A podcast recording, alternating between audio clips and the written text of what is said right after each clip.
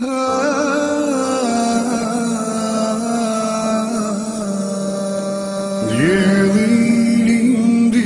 elde adit Orban kat zbrast imbriçoj Në malë lartë trimat janë gjithë Shkollën e lartë. الحمد لله تعالى نحمده نستعينه ونستغفره ونستهديه ونعوذ به من شرور أنفسنا ومن سيئات أعمالنا. من يهده الله تعالى فهو المهتد ومن يضلل فأولئك هم الخاسرون.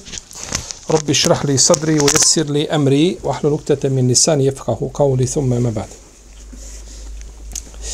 Mi smo u zadnjem predavanju govorili nešto vezano za za mehr.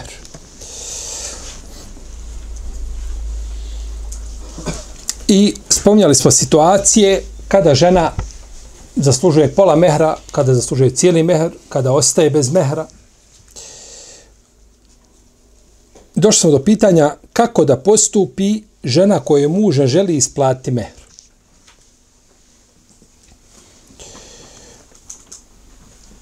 Kako da postupi žena koje muža želi isplatiti mehr.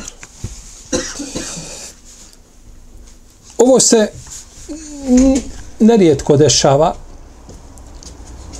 da muž ne želi da isplati svoju supruzi mehr. A žena zaslužuje mehr neposredno po zaključenju bračnog ugovora. I mi smo spomljali hadis Sehla ibn Sada, Saidija, kada je došla, je tako, ona žena, pa se ponudila poslaniku, salosaleme, pa je rekao, traži nešto, imaš li ništa, nemam ništa, potraži nešto, pa je, pa i železni prsten, pa ni železni prsten. Tako, spomenuli smo hadis. Pa je poslanik, sam tražio da ju nešto uruči na ime čega, vjenčanog dara. A tako, to je pravo žene. Kaže, imam Arabi Maliki, u riječima poslanika, salosaleme, ako joj daš svoj plašt, ti, nećeš, ti ćeš ostati bez plašta, kaže dokaz da žena polaže pravo na vjenčani dar čim, a, činom zaključenja bračnog ugovora. I u vezi s tim kaže ne postoje razilaženje među učenjacima. U vezi s tim ne postoje razilaženja među učenjacima. Da žena zaslužuje šta? Vjenčani dar zaključenjem znači bračnog ugovora. Pa ako žena bude, ako muž bude nakon toga izbjegavao, isplati ženi mehr, žena ima pravo uskrati u intimni odnos dok ne izvrši svoju obavezu prema njoj. I u vezi s tim imam Ibn Munzir i Remli navode konsensu činjaka. Naravno, kad, kad spominjemo ove propise, određeni propisi, kažemo ima pravo. Žena gubi pravo na izdržavanje. E, žena ima pravo uskrati mužu njegovo pravo. To ne znači odmah da žena treba pohitati da to da, da tako postupi. To nije kazao niko. Ima nešto što je propis, a ima nešto što je primjena šta tog, tog propisa. Pa kad se kaže da neko ne zaslužuje ili gubi određeno pravo i tako dalje, ne treba odma pohitati i da uskrati, jel tako, ovaj, e, da uskrati jeli, pravo to mužu, nego treba gledati da se problem riješi na najadekvatniji, na najbolji i naj, najbezbolniji način. Jer ako ona kaže, jel tako, uskrati njemu njegovo pravo, tada možda će, jel tako, problem dobiti posebnu, još veću dimenziju, a neće se riješiti problem. Pa je šerijatski, šerijatsko pitanje šta? Propis jedno, a njegova primjena u stvarnosti, da li odma posigleda se, znači kakve će rezultate dati. Jer nije cilj pokvariti bračne odnose, to je najlakše, nego je cilj znači da one ostanu šta? Dobri, jeli, i da se, da se prevaziđu jeli, problemi koji i nesuglasice koje nastupaju među supružnicima. Znači, ovo pravo uskraćivanja ima ako su supružnici, ako nisu već imali intimni odnos. Znači, oni su zaključili bračnu vezu, on neće da isplati mehr, nisu stupili u intimni odnos, ima pravo što da mu uskrati njegovo pravo i da mu ne dozvoli dok ne, ne isplati mehr. Iako smo govorili tako da brak ne treba biti građen na čemu? Na tim nekakvim materialističkim osnovama gdje se gleda čisto korist, ali tako, jer često dobijamo pitanje, e, dobio pare, dolaze pare, danas sam dobio pitanje, babinje došle, kome pripadaju ono što je dijete dobilo, dječji doplatak dolazi, kome pripada. Znači, ne bi smjeli sebi supružnici dozvoliti, ta ima tačno propis, pripada tom i tom, Jel tako? Nije problem u tome. Međutim, problem je u tome da mi evo, naši života napravimo taj materialistički život u kome se gleda čista korist i interes. To je brak. I ta ljubav postoji dok postoji interes. Kad nestane interes, ali tako nestaje i, nestaje i brak. Međutim, ako je žena pristala na život sa mužem, bez da joj suruči bra... vjenčani dar, ili su dogovorili uručenje vjenčanog dana nekada kasnije, definisali, e onda nema pravo to uskrati. Tako, pa svako bi trebao znati svoja prava i dužnosti. A ne da to bude, znači, jeli, da se postupa emotivno. Jer supružnici imaju pravo da dogovore isplatu mehra, da bude to prije braka, prije, prije intimnog odnosa, odmah po zaključenju ugovora, da odmah na mjestu predefendio im da koliko? 80 maraka. Tako. Onda su meharovi skromni. 100 maraka, 1000 maraka, nije bitno. Ili da bude nekad u braku, shodno kako dogovore i kada dogovore. Pa ne smije, znači, do tog roka uskraćivati njemu njegovo pravo. Pa nije problematično, znači, da shodno mišljenje većine islamskih učenjaka, suprotno imamu Ibn Hazmu, da uručivanje mehra bude u tačno dogovoreno vrijeme. Jer smo kazali da uzvišenje Allah rekao nije vaš grije ako žene pustite prije nego što u odnosima stupite ili što im vjenčani dar odredite. Pa citira ajet ukazuje znači na ispravnost bračne veze iako nije šta određen vjenčani dar prilikom zaključenja bračnog ugovora. Nije nikako određen. Pa je preče da bude ispravan šta ako se odredi do određenog vremena. Određen je, ali samo kada će biti vrijeme šta njegove njegovog davanja ili učinjivanja. I vi znate, hadis smo spominjali tako onoga sahaba koji je oženio ženu, ili tako, pa je nije dao ništa na ime vjenčanog dara, pa je dao nakon toga udio sa hajbera. Koga ona prodala za 100.000.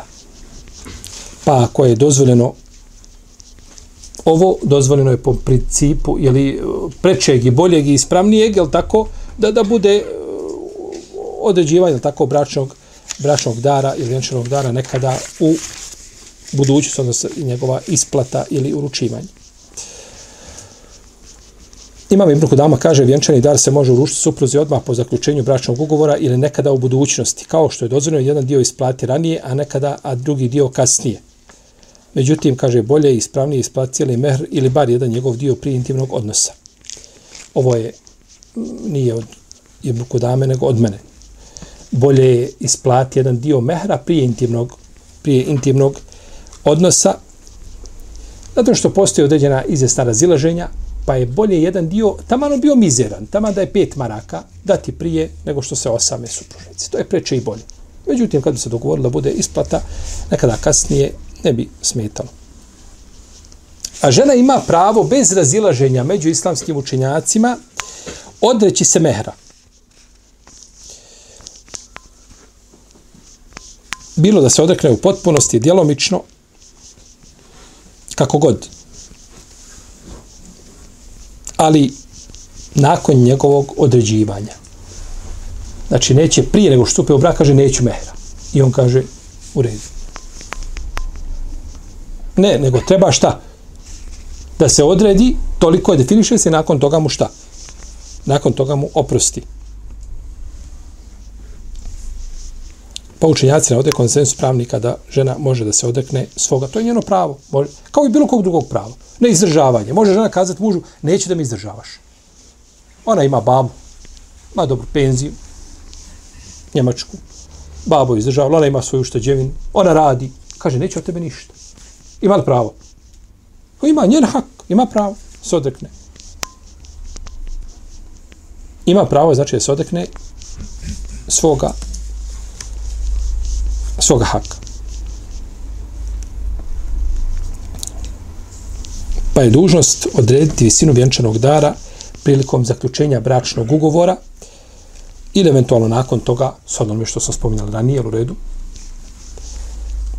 Potom žena polaže znači pravo da oprosti svom mužu mehr koji joj je dužan isplatiti ili da mu vrati eventualno već uručen vjenčani dar. Kako god. Ima nešto u šarijetu što zove otpremnina. Otpremnina ili darovanje je vrijednost koja pripada ženi nakon razvoda braka u kome nije došlo do intimnog odnosa niti određivanje visine mehra. Znači imamo situaciju da se čovjek oženio prilikom zaključenja bračnog ugovora nije spomenut mehr, ni njegova visina, nisu o tome pričali. I on je razvede prije nego šta? Prije nego što ima sa njom intimni odnos njoj pripada otpremnina za koju uzvišeni Allah kaže nije vaš grije ako žene pustite prije nego što s njima u uh, intimni odnos stupite ili prije što im vjenčani dar odredite. I lijepo ih i po propisu darujte. Imućan prema svome stanju i siromašan prema svome stanju. To je dužnost onima koji žele dobro učiniti. I kaže uzvišeni Allah za uđel, puštenim ženama pripada otpremnina u skladu s propisima, to je obaveza bogobojazna.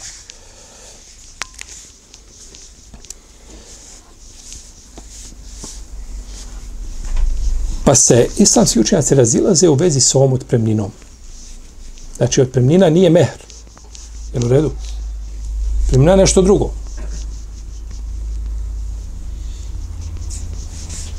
Neki kažu da je otpremnina obaveza. I to je stav većine učenjaka. Za razliku od Malikija koji smatraju da je to pohvalno. Isto tako se razilaze u vezi s visinom otpremnine. Jer u knjizi se časno ispominje otpremnina, ali nije spomenuta šta? Koliko je? Koliko ona iznosi? Pa nije precizno definisana i s toga odmah postoji razilaženje. Postoji razilaženje šta? U vezi s otpremninom. Hanefijski učinjaci smatruju da se na ime otpremnine treba dati trodijelna odjeća, čija vrijednost neće prelaziti polovinu mehra koju i žene njenog ranga. Trodijelna odjeća i da ne prelazi polovinu mehra. Zato što polovinu mehra ima pravo ona koja je šta? Razvedena, a nije definisan vjenčani dar. I došlo do razvoda prije čega? Intimnog odnosa. Pa nekako znači da to bude u tom rangu, u toj nekakvoj visini, u toj vrijednosti. I kaže, ne treba biti manje od pet srebrenjaka, vjerojatno da je to vrijedlo za njihovo vrijeme. Ili za vrijeme nekog učinjaka koji je to govorio. Malikije kažu, to nije definisano, nego shodno svome materijalnom stanju čovjek daje i daruje svoju suprugu. Kod šafija je to 30 dirhema, najmanja, a najveća da joj kupi roba.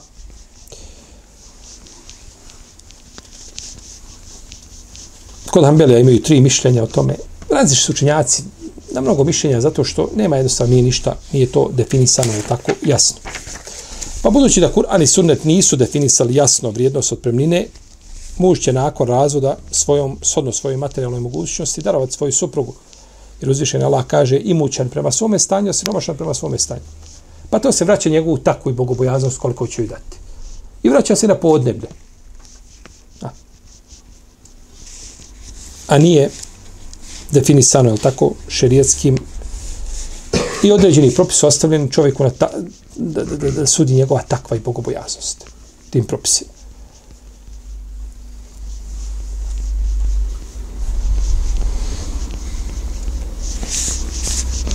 Imamo pitanje uvjetovanja pri zaključenju bračnog ugovora. Pa tako,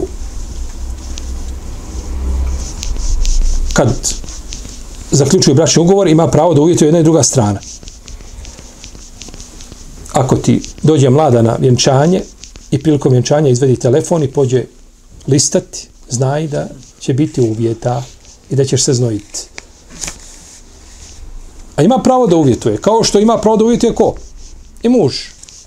I uvjeti se u šarijetu dijele u tri skupine. Imaju uvjeti koji su dozvoljeni i koje podržava din islam imamo uvjete koji su zabranjeni i koji islam ne podržava. Zabranjuje ih. Imamo uvjete koji su a, koje je islam prešutao. Nemamo o njima ništa. Svaki uvjet koji se može postaviti, može ući u jedan od ova tri uvjeta. U jednu od tri kategorije. Jel? Imamo uvjet koje šerijat podržava, koji odgovaraju islamskim propisima, ciljima šerijeta kao uvjet za lijep suživot. Žena postoji muž uvjet, da, ali da se prema meni lijepo opodiš. Je taj uvjet podržava islam? Vaširu hunne bil maruf. Po kuranskom slovu. I sa njima lijepo živite. I ona tebi traži ono što Kur'an ti naređuje, jel tako? Izdržavanje žene. Obima enfeku minom valihim. Zato što troše svoje imetke. On, on njoj uslovljava da bude pokorna mužu. Ona njemu uslovljava pravednost među ženama. Da bude pravedan. Je to dozvoljeno? Svakako. To islam podržava. Drugi uvjet koji je u koliziji sa islamskim propisima. Kao da žena ne mora biti pokorna mužu. Ona živi svoj život. Ti pričao meni ili pričao komšinici. Sve jedno. Naravno, ti uslovi odudaraju od, od ciljeva islama. Da provodi više vremena sa njom nego s njenim inoćama. On ima još dvije žene, kaže jeste, ali sa mnom tri dana, a njoj po dan, svakoj po dan. Zabranjeno. Da uslovi da razvede jedno dinoća. Da, udaću se za tebe, ali tu i tu moraš razvesti. Zabranjeno. Haram ti su uslovi, zabranjeno da muž usvoji brak bez mehra. Hoću, kaže, ženit se, ali da pristaneš da nema mehra. I ona pristane. Uslov batil, neispravan uslov koji je postavio. Brak bez rađanja djece. Oni su dogovorili, a nećemo mi da imamo djecu. On će sebi nabaviti, je tako, kućnog ljubimca. Nešto će biti tu kao alternativa, zamjena i on će živjeti život, neće djece nikako da imaju, jer navodno jel, to, to je tako je moda da, da se više jel, djeca ne rađuju, to je, to je postalo skoro pa sramota ima djecu, je tako? Jer dijete puno košta, odmah ti začuna, kaže dijete košta, ne znam, e, do, do prvog razreda osnovne škole 40.000 e, maraka ili 50.000 maraka, nakon toga košta u osnovnoj školi još toliko i nakon toga doga, iako još duže vremena ostane bez posla nakon završetka fakulteta kod babe, to je još više, je tako?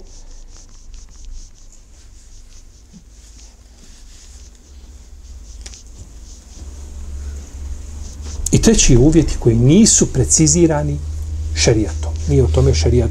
Znači, ostali su onako, znači, otvoreni i nije šerijat, a o njima donio sud, hukm jasan.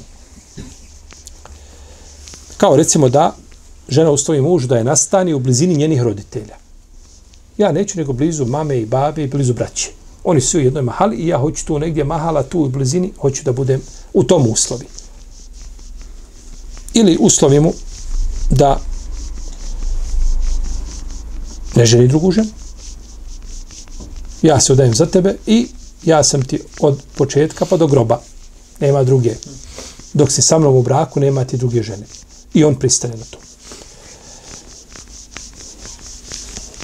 Ustojimo da se ona zaposli ja hoću da radim, da budem ja profesorica u školi, predaje, i on pristane na taj uslov.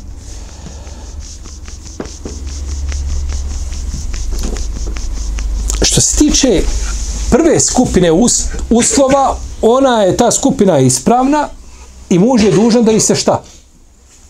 Pridržava. Druga skupina, ona je zabranjena. Zabranjena, žena ustoji mužu, jeste, ja ću s tobom ovaj, ući u brak, ali ja imam pravo kad želim da iziđem na ulicu bez mahrame. Da se malo prošeta on, s frizurom svojom. I on pristane na taj ti se uslovi ne smiju ispuniti. To je uslov koji je suprotan čemu? To je jasno. Ostaje pitanje ovih treći. Treći koji je šerijet prešutao. O njima ni ništa govorio. Šta je s njih? Šta je s njima? Šta je s tim propisima? Jesu li oni a, da li se i moraju supružnici držati ili se ih ne moraju šta držati. Ovdje konkretno, konkretno ja znaš da, da vas najviše zanima pitanje, je tako, kad žena uslovi mužu da se ne može ženiti. Da li je muž dužan da ispuni taj uvjet na koji pristane? Islamski učenjaci ovdje s tim imaju različita mišljenja. Nisu, znači, jednoglasnog stava. Većina islamskih učenjaka smatra da ovaj, ovaj uvjet da je ništavan. Te da muž nije dužan da se pridržava istog. Iako obećao, nije dužan šta da se pridržava istog. Jer ona postavila uvjet koji je u koliziji sa šta? S Kur'anom i sa sunnetom. Dozvolio nešto islam i to je od ciljeva islama, je tako? Da broj ljudi bude što veći na zemlji, da, da što više ljudi obožava uzvišenog Allaha za ođer, Pa nije, kažu, dužan da se toga pridržava i to je stav broj učenjaka da i sada nabrajamo. Da se zamaramo time. Uglavnom, to je većina pravnika odabrala to mišljenje. S druge strane imamo skupinu tabijina i to mišljenje zastupa ima Mahmed i Ishak i drugi da se čovjek treba pridržavati ovoga mišljenja, ovoga uvjeta. I od savremenih učenjaka ovaj stav je odabro šehe Leškar. Sulemana Leškar, čuli ste za njim. On je umro, rahimahullahu ta'ala.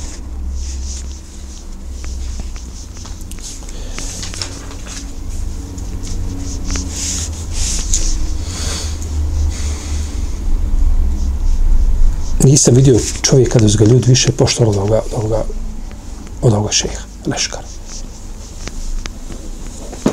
Znači, gdje god se pojavio, znači, takav je, takav je on autoritet imao kod ljudi i kod uh, onih koji praktikuju vjeru i kod onih koji ne praktikuju vjeru i kod svakoga, znači da ga je svako poštovao ovaj, a, a, čak žene koje su ovaj, otkrivene, kad bi trebale da dođu negdje na njegovo predavanje gdje ima nekako, ona bi stavila nekakav šalić na glavu da nije otkrivena prešeju. Rahimahullah ta'ala. Ima, ima, ima jako mnogo svojih dijela napisano. Mnoga su prevedena naš jezik. Zadnji put sam ga vidio na, u Haremu Mekanskom. Klanjao, ja ga vidio, prišao i čekao da sklanja. Jedva je završio namaz. Već je bio stari djed. Rahimahullah ta'ala. I jedna i druga skupina imaju dokaze. Dobro, ova skupina koja kaže da žena, ako to uslovi, da se moraju držati, šta to znači? Kažu, ako se oženi, ona ima pravo na poništenje bračnog ugovora. Jer on nije šta ispunio, ona njemu ne može zabraniti da se oženi. Pazite. To nije njen hak, to je Allah dozvolio. Ona to ne može zabraniti. Ali ako ne ispuni ugovor, ona polaže pravo na šta? Da se razdvoji. To je znači poenta toga kada kažemo znači da da ima pravo da uslovi. Jedna i druga skupina imaju dokaze kojim dokazuju. Međutim, mišljenje manjine učenjaka bi ovdje trebalo biti jače.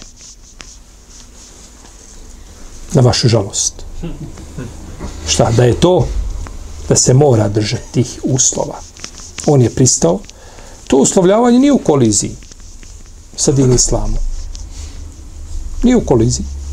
Pa ako čovjek pristane na te uslove, dužan je da ih ispuni. Ili da je zamoli da da mu dozvoli da povuče svoj uvjet. Tako.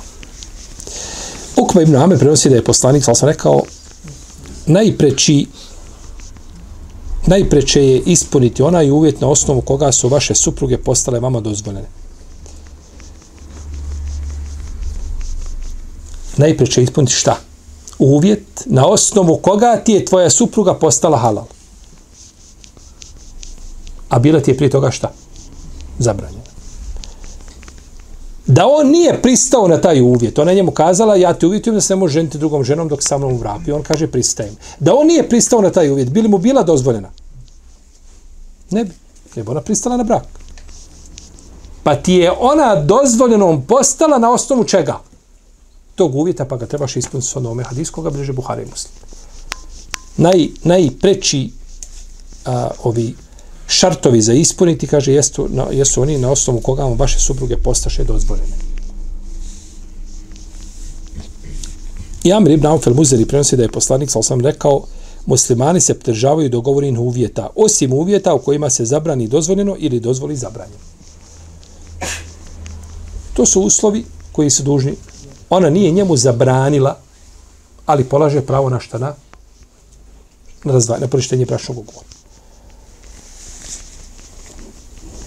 Pa je čovjeku obaveza da se drži, to je ispravnije mišljenje, da se drži onoga što dogovori, pa žena mu, kažemo, ne može zabraniti ono što je Allah dozvolio. To ne polaže niko. Da ti zabrani ono što ti Allah dozvolio. Međutim, ako on prekrši, ona polaže pravo na da vrati na šta? Na prvotne postavke. Nema braka. To je logično. I ovo mišljenje je jako učenjaka. Iako je tako muškarci koji emotivno sude, oni preferiraju odmah mišljenje džumhura, ali tako bez ne trebaju im dokaz, dok je to većina učenjaka odobrala, to je dokaz. Nije. Argumenti su ovdje presudni. Ovaj hadis kod Buhari kod muslima, Ukve ibn Amira, on je, on je jak dokaz. Najpreće je da se držite uvjeta na osnovom koje, ha, mastahleltum bihil furuđ, uvjet koji je ohalalio tebi njeno stidno mjesto. Njen spolni organ. Da imaš sa intimni odnos, je bio taj uvjet. Da nije toga uvjeta, nisi pristao, ne bi pristala. Tako da su dokaz ove skupine učenjaka jači. Jači definitivno. A ljudi dužni da se pode sa dokazom, za dokazom. Jel?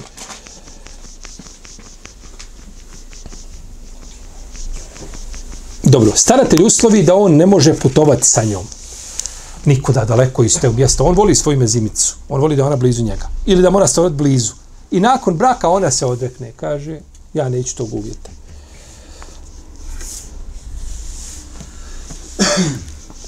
Kako postupiti dalje? Ako se žena odrekne nakon toga, ako se odrekne uvjeta i pristane da otputuje svojim mužem, da stanuje na drugom mjestu, uvijek se smatra poništenim. Jer to je njen hak, to je njeno šta? Pravo. Ima pravo i roditelja tu, međutim, to je prvo, prvenstveno njeno pravo. To je prvenstveno šta? Njeno pravo.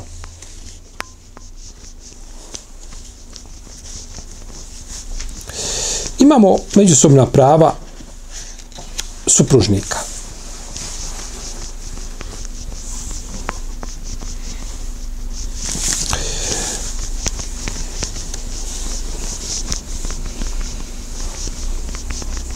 Imamo međusobna prava supružnika. Žena je dužna pokoravati svome mužu u svemu što nije nepokornost uzvišenom stvoritelju. Znači, kako kaže uzvišeni Allah, kako kaže uh, ovaj poslanik sa osam, nema pokornosti stvorenju u onome što je pokornost stvoritelju. I nema pokornosti u grijehu, nepokornost je, pokornost je samo u dobru, kako je došlo u hadisu. Kod Tabrani i kod imamo Buharije, prvi kod Tabrani i drugi kod Buhari kod muslima. I poslanik je sa osvijem poslao jedne prilike jednu vojnu izvidnicu. I on im je imenovao za vojsko jednog ensariju i naredio da budu pokorni. Pa su ga oni rasrdili, pa je on naredio, naložio jednu vatru i rekao uđi tu vatru. Zar nam kaže, nije poslanik, sam naredio da budete poslušni, kaže, jeste. Pa su oni kako god razmisle, kažu mi, mi smo upravo, kažu, u islamu ušli da bi pobjegli od vatre. A sad idemo još da uđemo u vatru. Kaže, mi to ipak prolongirali dok ne upitamo poslanika sa obvezi s tim. Pa je poslanik, kad se upitali sa osaname, kaže, kaže da su u nju ušli, ne bi iz nje nikad izišli. Jer sam sebe svojim rukama sam izvršio samo ubijstvo. To islam tako naređuje ljudima da ulazi čovjek u vatru pokazuješ keramete, tamo hodaš kroz vatru i ovaj preko preko užareni tamo trčiš ima. Eno gledam jedan dan preko kamiona, kamion ide preko njih, oni deset njih se poreda na leđa. I kamion ide preko njih, prelazi preko preko grudi njihovi, pokazuju šta? Keramete kako može kamion preći do ostane živi i tako dalje. Hvala wala kuvvete illa billah. Hvala wala kuvvete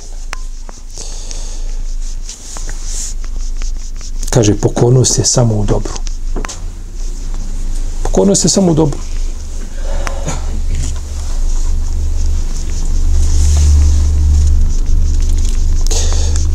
I I bližima Mahad s vjerodostanim lancem od Abdurrahmana ibn Aufa da je poslanik, sal sam rekao, ako žena bude klanjala pet dnevni namaza, postila Ramazan, i bude čuvala se nemorala i bude pokorna svome mužu, bit će rečeno da uđe u dženet na koja vrata želi. Ali uslovno znači spomenuto je uz ovo šta? Uz ibadete i pokornost znači mužu. Naravno, kada se kaže pokornost mužu, odmah to pojedinca te da je to muž u kući, on je ovaj naredbodavni organ, ona je izvršni, on samo okom, ona skokom, tu, znači tu je sve kao u, u, u nekakvom, u nekakvoj filmskoj akciji gdje policija samo, je tako, nije tako, to nije bračni život. Ovdje govorimo o propisima. Muž ima pravo da naredi svoj ženi da zabrani. Znači li to da će muž u kući držati batinu i sjedi i samo izdaje naređenja i zabrane? i da je to brak, niko to nije rekao. Ali ima pravo lijep, na lijep i mudar način da nešto je tako, da uskrati ženi nešto što vidi da šteti njenom tijelu, njenoj vjeri i tako dalje. Njenoj porodici, slično tome. A ona to možda ne primijeti. I zato je on dobio taj kivamet i nadređenost u porodici. Ar riđalu kao amune, ale nisa. Bima faddalallahu ba'dahum ala ba'd. Ali to ne znači demonstracija sile je tako, izdavanje naredbi, izdaš danas jednu naredbu, sutra drugu, preko sutra treću, da vidiš kako se žena poja je li pokorna. I ti ispitivaš sad to. To neko rekao da tako treba raditi? Pa je propis, osnova propisa jedno, a njegov način sprovođenja je potpuno druga stvar. Pa propis ostaje propis, ali ne, ne znači znači da će čovjek tu je tako sprovoditi je li ovaj u kući djelovati je tako kao uh, da funkcioniše porodica kao što fun funkcioniše, ne znam, firma ili nekakva ustanova i slično tome, to je pogrešno, naravno. Kada je poslanik sa svema upitano najboljim ženama, rekao koja raspoloži svoga muža kada pogleda u nju i koja mu je pokorna kada joj naredi i ne čini sobom i njegovim metkom ono što ono što prezire. Ovako bilježima Mahmed sa dobrim lance, kao kaže Hafiz Rirak. Znači, budemo pokorna u onome što što naredi? Pa je pokornost mužu, znači obaveza od strane žene, ima za to nagradu. Naravno, pokornost onome u čemu je šta? Dobro, čemu je može narediti, u čemu je, neće neće mu se pokoriti onome što je šta? Nepokornost uzvišenom Allahu Azzeođel. Kaže u starim Mihsan da je njegova tetka došla kod poslanika sa osaneme po nekakvoj potrebi. Pa je tom prilikom poslanik sa osaneme upitao da li je udata. Kaže, jesam, Kaže, kako se opetiš prema svome suprugu? Kaže, ne uskraćujem ono što nisam, ne uskraćujem mu ono, osim ono što nisam u mogućnosti da učinim. Ima od mene, kod mene sva prava, osim ono što je van dometa mojih mogućnosti. Pa kaže poslanik, sallallahu sallame, kaže, pazi kako se opodiš prema njemu, on je tvoj dženet ili džehennem. Pa muž ima prava kod svoje žene. I žena kod muža, svakako. Ali od prava muža kod njegove žene jeste da mu bude pokorna.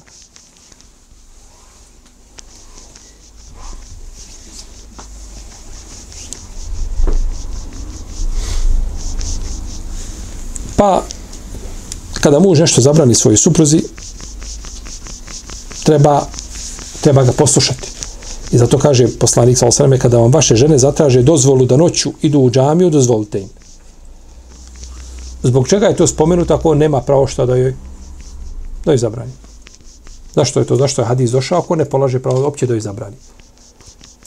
Nego znači polaže pravo, našto ako vidi znači da je to da tako, štetno po nju, po njenu vjeru. Ali opet kažemo, brak ne treba da funkcioniše na takav način.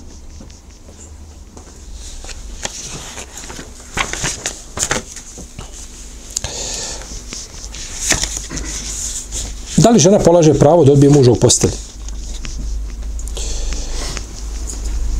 Nije žena, ne polaže žena pravo, nema pravo da odbije svoga supruga, osim ako za to postoji validan dokaz, o, validan, validno opravdanje validno opravdanje, znači da odbije muža svoga kao bolest i slično tome, znači u protivnom muž ima pravo na svoju suprugu. Došao hadis kod Ibnu Mađe, tako da je poslanik sal sam rekao, tako mi onoga u čijoj ruci je moja duša, žena neće izvršiti svoju obavezu prema svome gospodaru dok ne izvrši svoju obavezu prema svome mužu. I kaže poslanik sa osam namaz diju osoba ne prelazi njihove glave. Odbjegli rob dok se ne vrati svome vlasniku i žena koja je nepokona svome suprugu dok ne postane poslušna. Došao od iskod Buhari kod muslima od Ebu Horeira da je poslanik sa rekao ako muž pozove svoju suprugu u postelju pa ona odbije, meliki će je proklinjati do jutra.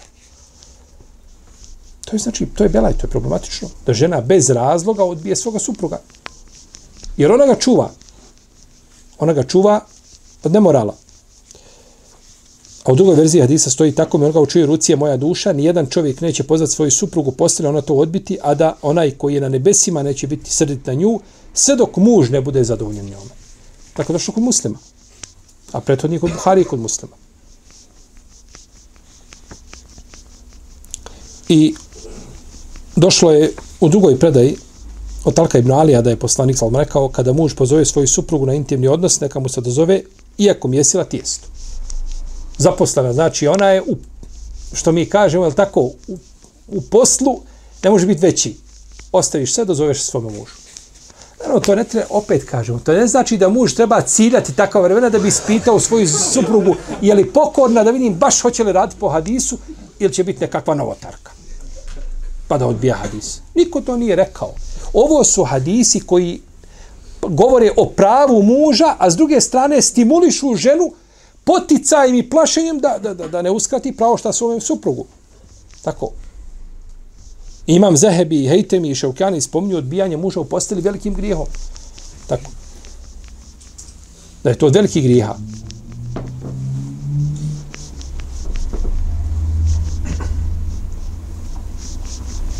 I ponekad muž ima pravo, ponekad muž ima pravo za određene postupke da razvede ženu. Jer to znači odmah će razvesti? Ne znači da će odmah razvesti. Međutim, jedno je govoriti o pravu, a drugo je govoriti znači o čemu?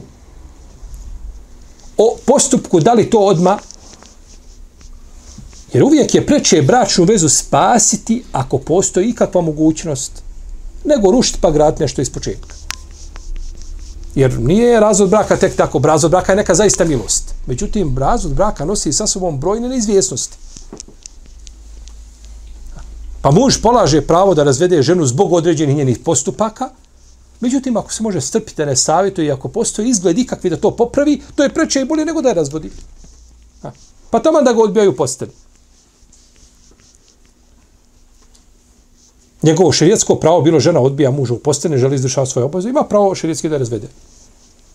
Međutim, znači li to odmah dok ga žena odbije jedan put ili dva put ili ima ona nekakve svoje faze kroz koje polazi kao i svaka osoba, da odmah treba čovjek da traži razvod braka da se razvodi. To neko rekao? Pa je pravo jedno, a primjena tog prava, da li odmah ići ovaj i posezati za onim što je najbolnije, to je potpuno drugo pitanje. Određeni ljudi misle da je razvod braka, kad razvede se, da je svi time završio. Gotovo. Nije. Tad tek nastaju problemi. I za muža i za ženu pa je spasiti postojeće uvijek preče nego graditi novo ako postoji mogućnost. Međutim, ne mora se na silu spašavati ništa. Očito da ne ide i da su problemi samo veći i, i, i dublji i, i da, da postoje neprom, nepremostivo, pa onda je bolje riješiti, lijepo se razvesti, nego ružno živjeti. A dok postoji izgled i mogućnost, uvijek je preče na neki način to ovaj pa i uključiti nekoga sa strane, kako je došao tako po kuranskom metodu i savjetu, ako možemo kazati, da se uključi neko sa strane pa da, da, ovaj, da se pomire, to je preče i bolje. I da muž razumije ženu, jel tako, da može žena prolazi kroz faze kao i svaki drugi čovjek, ovaj i porodica i utjeca i jel tako, ovaj i društvo i ambijent u kome živi i tako dalje. Pa da ona prava koja ima koja ponekad njemu ide u korist, da sačeka sa njima, da ne žuri. Jer je cilj riješiti problem, a nije ga, nije ga cilj znači ovaj pospješiti i napraviti od njega jeli, uh, još veći problem.